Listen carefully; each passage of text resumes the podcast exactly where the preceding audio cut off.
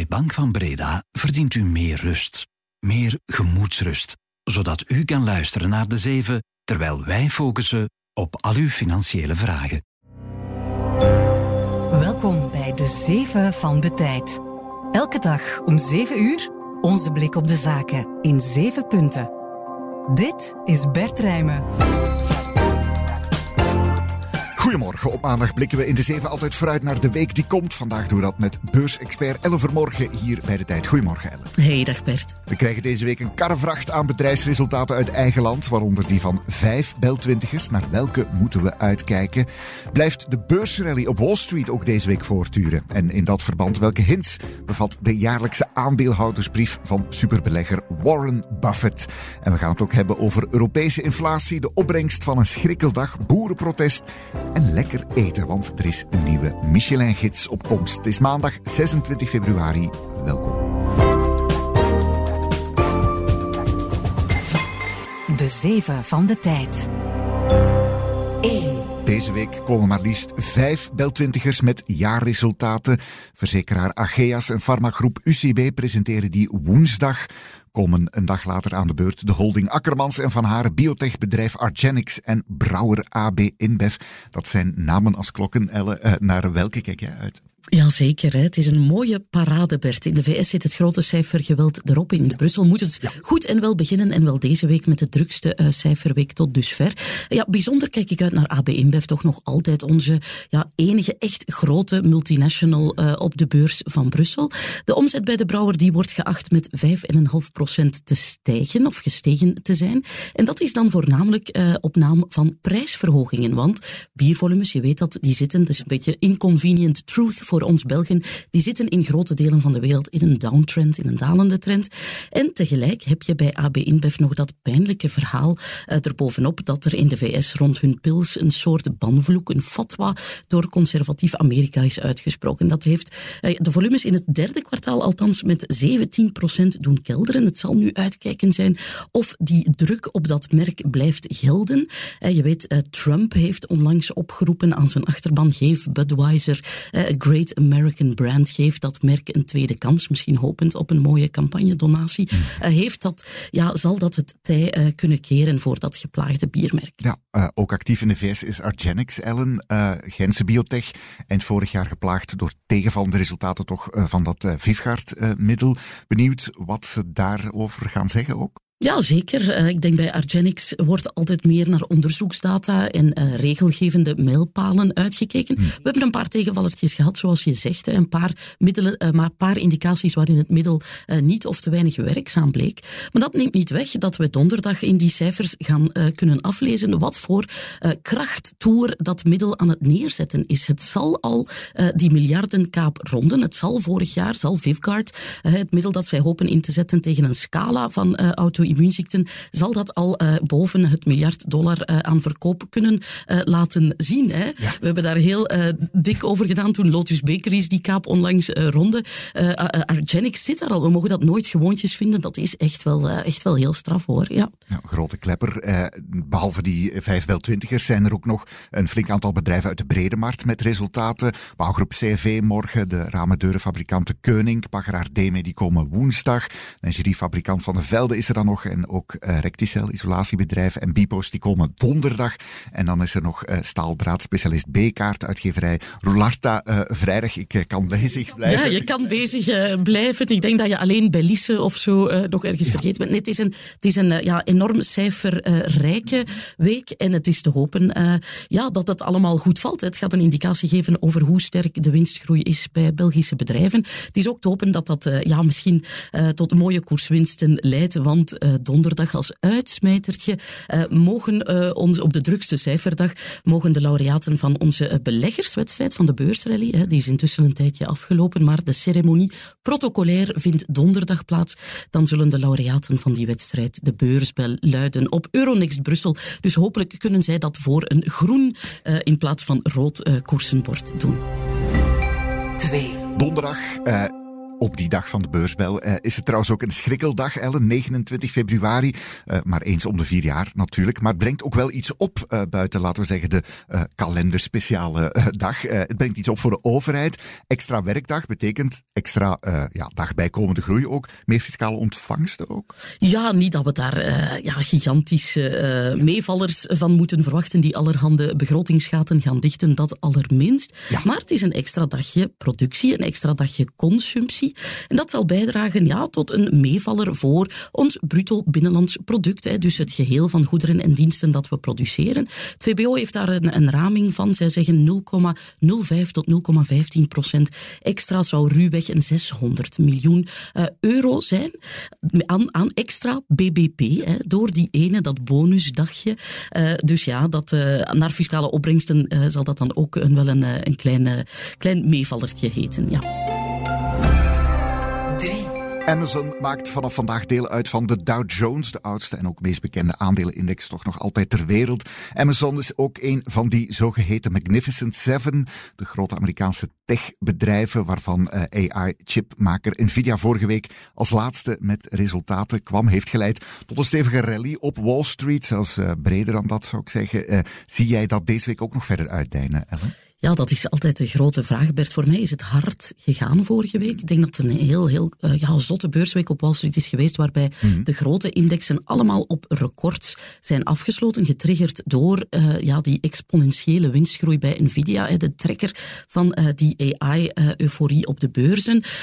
ja, hoe hard het gaat, dat is dikwijls dan weer een veegteken, leert de geschiedenis. We hebben de S&P 500 gehad, die door de 5000 punten is gegaan. Normaal wordt zo'n zo, zoiets altijd ja, getest, zo'n weerstand. En nu zien we dat die er los doorgaat. We zitten al aan 5100 punten bijvoorbeeld.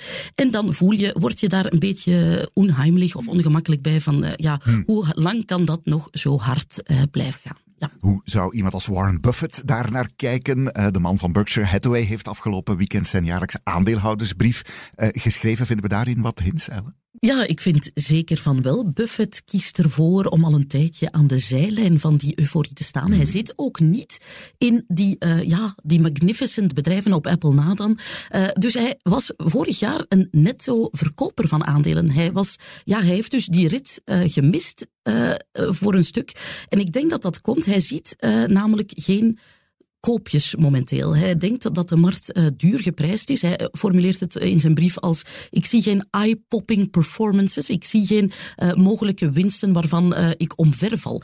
en dat heeft er ja, ook toe geleid dat die cashberg waar Buffett op zit, al maar hand over hand dikker wordt. Hij heeft nu 168 miljard dollar aan cash te besteden.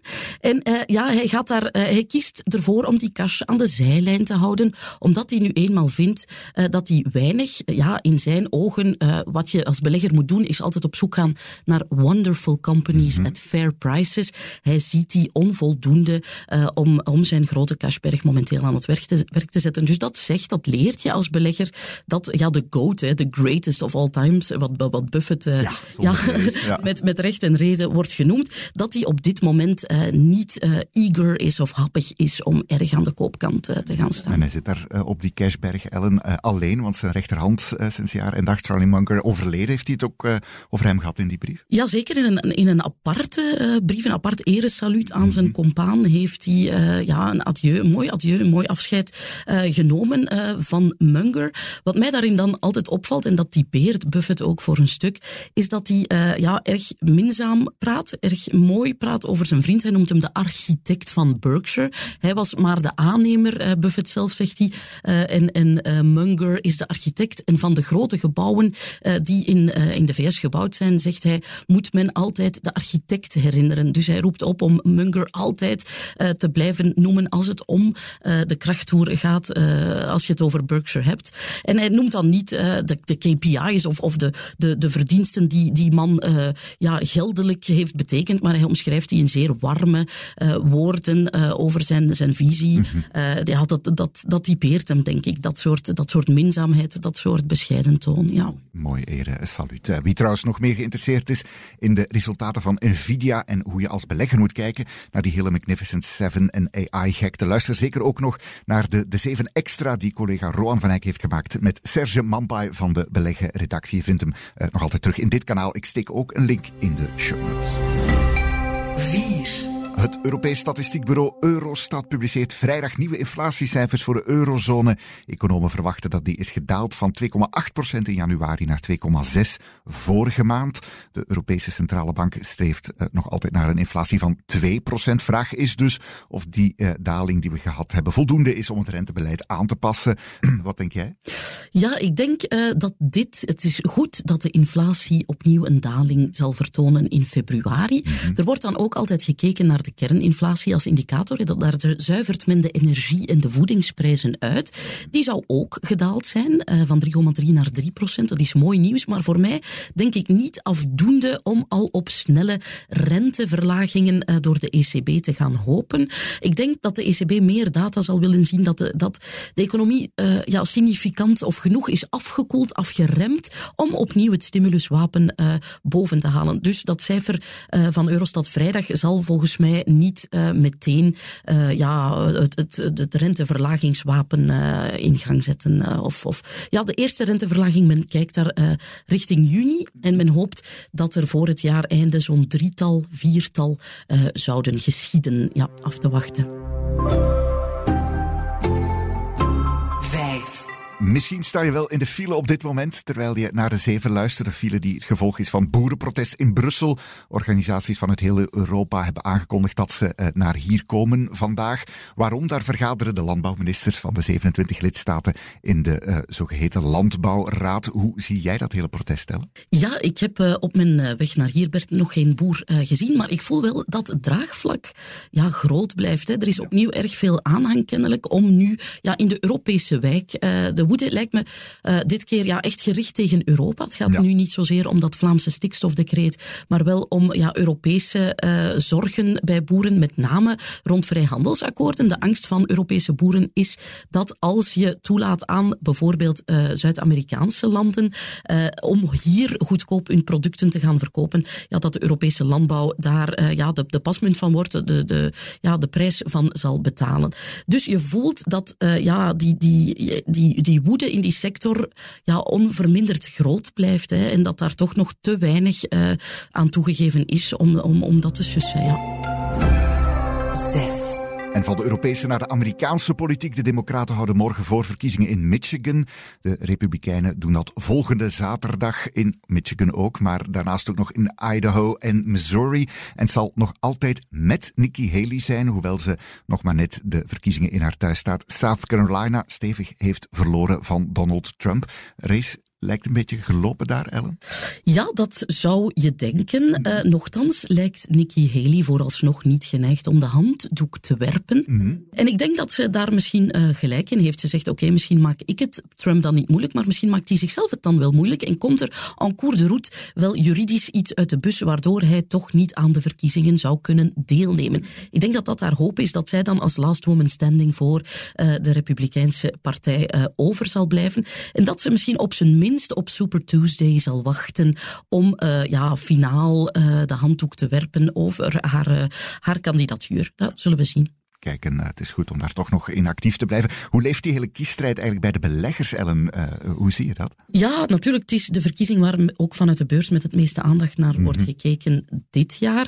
Um, ja, je ziet dat Trump 2.0 een beetje toch het basisscenario aan het worden is in de hoofden van beleggers. Of tenminste, ik merk dat aan ja, een aantal publicaties die uh, grote beurshuizen uitsturen naar hun klanten. Hoe inzetten bijvoorbeeld met een mandje rode aandelen op een herverkiezing van Trump bijvoorbeeld. Mens inziens is het zelden voor beleggers een goed idee om daar echt, echt actieve uh, investeringsbeslissingen op te nemen. Juist omdat de correlatie niet altijd erg aantoonbaar of groot is. Hè.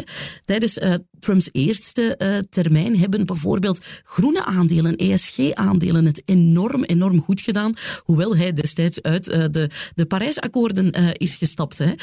tijdens Biden hebben dan weer defensieaandelen zeer, zeer goed gepresteerd. Ook Amerikaanse grootbanken zeer goed gepresteerd. Twee sectoren die je eerder ja, met een republikeinse stempel zou kunnen associëren. Dus voor beleggers altijd weten dat ja, de hoop om op kiesprogramma's of op politieke programma's in te zetten doorgaans uh, ja, niet altijd of niet, geen, goed, uh, geen goed idee is eigenlijk. Ja, dat is niet zo eenduidig als je zou denken. Inderdaad, misschien die huidige beurshosten, Ellen, die hoge waarderingen waar we het net over hadden, kunnen die nog een rol spelen? Ja, dat denk ik dan weer wel. Hè. Ik denk niet dat de kiesuitslag de beurs kan bepalen, maar ik denk wel dat de beurs voor een stukje ook een kiesuitslag kan bepalen. Als je weet dat Amerikaanse gezinnen op dit moment ja, een enorm hoog aandelenbezit hebben. Het bezit van aandelen bij Amerikaanse huishoudens staat terug op het niveau van voor uh, de financiële crisis. Hè. Dus veel mensen hebben uh, aandelen momenteel en zich, dat geeft een soort rijkdomseffect. Hè. De, de, de Amerikaanse beurzen doen het heel goed. mensen worden welvarender door, daardoor en gaan zich dienovereenkomstig gedragen, gaan meer uitgeven. En dat is goed in een tijd dat de begrotingstekorten hoog zijn, maar dat maakt dat er electoraal ook iets bij te verliezen valt. Stel dat er voor november kan nog heel wat gebeuren, een beurscrash, beurscorrectie plaatsvindt, dan kan dat opnieuw slecht afstralen, bijvoorbeeld op Biden. Ik denk dat Biden er nu alle baat eh, bij heeft dat die beurzen eh, die hoge niveaus blijven behouden. Iets wat mooi is om uit te pakken eh, als president, dat onder zijn termijn je al die nieuwe beursrecords hebt, hebt zien sneuvelen. Dus voilà, ja, ik denk dat hij er vooral bij gebaat is dat de beurzen happy, happy blijven op dit moment. Ja. 7. En straks in Antwerpen wordt de nieuwe Michelin-gids voorgesteld voor België en Luxemburg. Uh, weten we ook welke restaurants 1, 2 of misschien wel 3 sterren krijgen. Uh, iets voor jou, Elle, zo'n culinaire handleiding?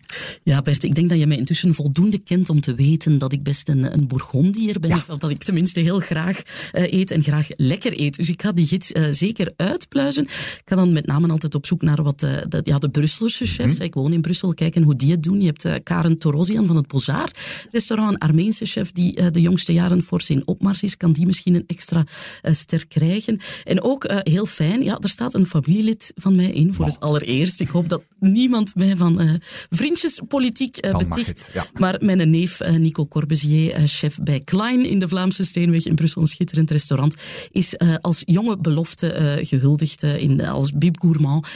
nog een ster is er nog niet, maar wel een mooie, ja, misschien een mooie weg richting een ster. Het is een in ieder geval een schitterende, schitterende chef en een heel fijne bekroning op zijn werk. Ja. Voilà, zullen we straks zien als die Michelin-gids uitkomt. En met dat eten en drinken zijn we helemaal klaar voor de komende nieuwsweek. Dankjewel Ellen Vermorgen voor je inzichten. Met alle plezier. Voor nu alvast een fijne dag nog voor iedereen en tot morgen. Dit was De Zeven met Bert Rijmen. Productie door Joris van der Poorten van op de redactie van De Tijd. Bedankt om te luisteren. Morgen zijn we er weer. Tot dan.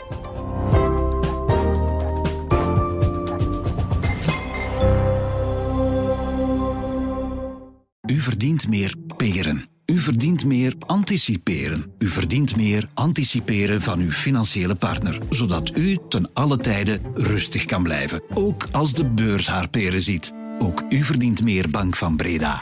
Professioneel en privé. Bank van Breda. Enkel voor ondernemers en vrije beroepen.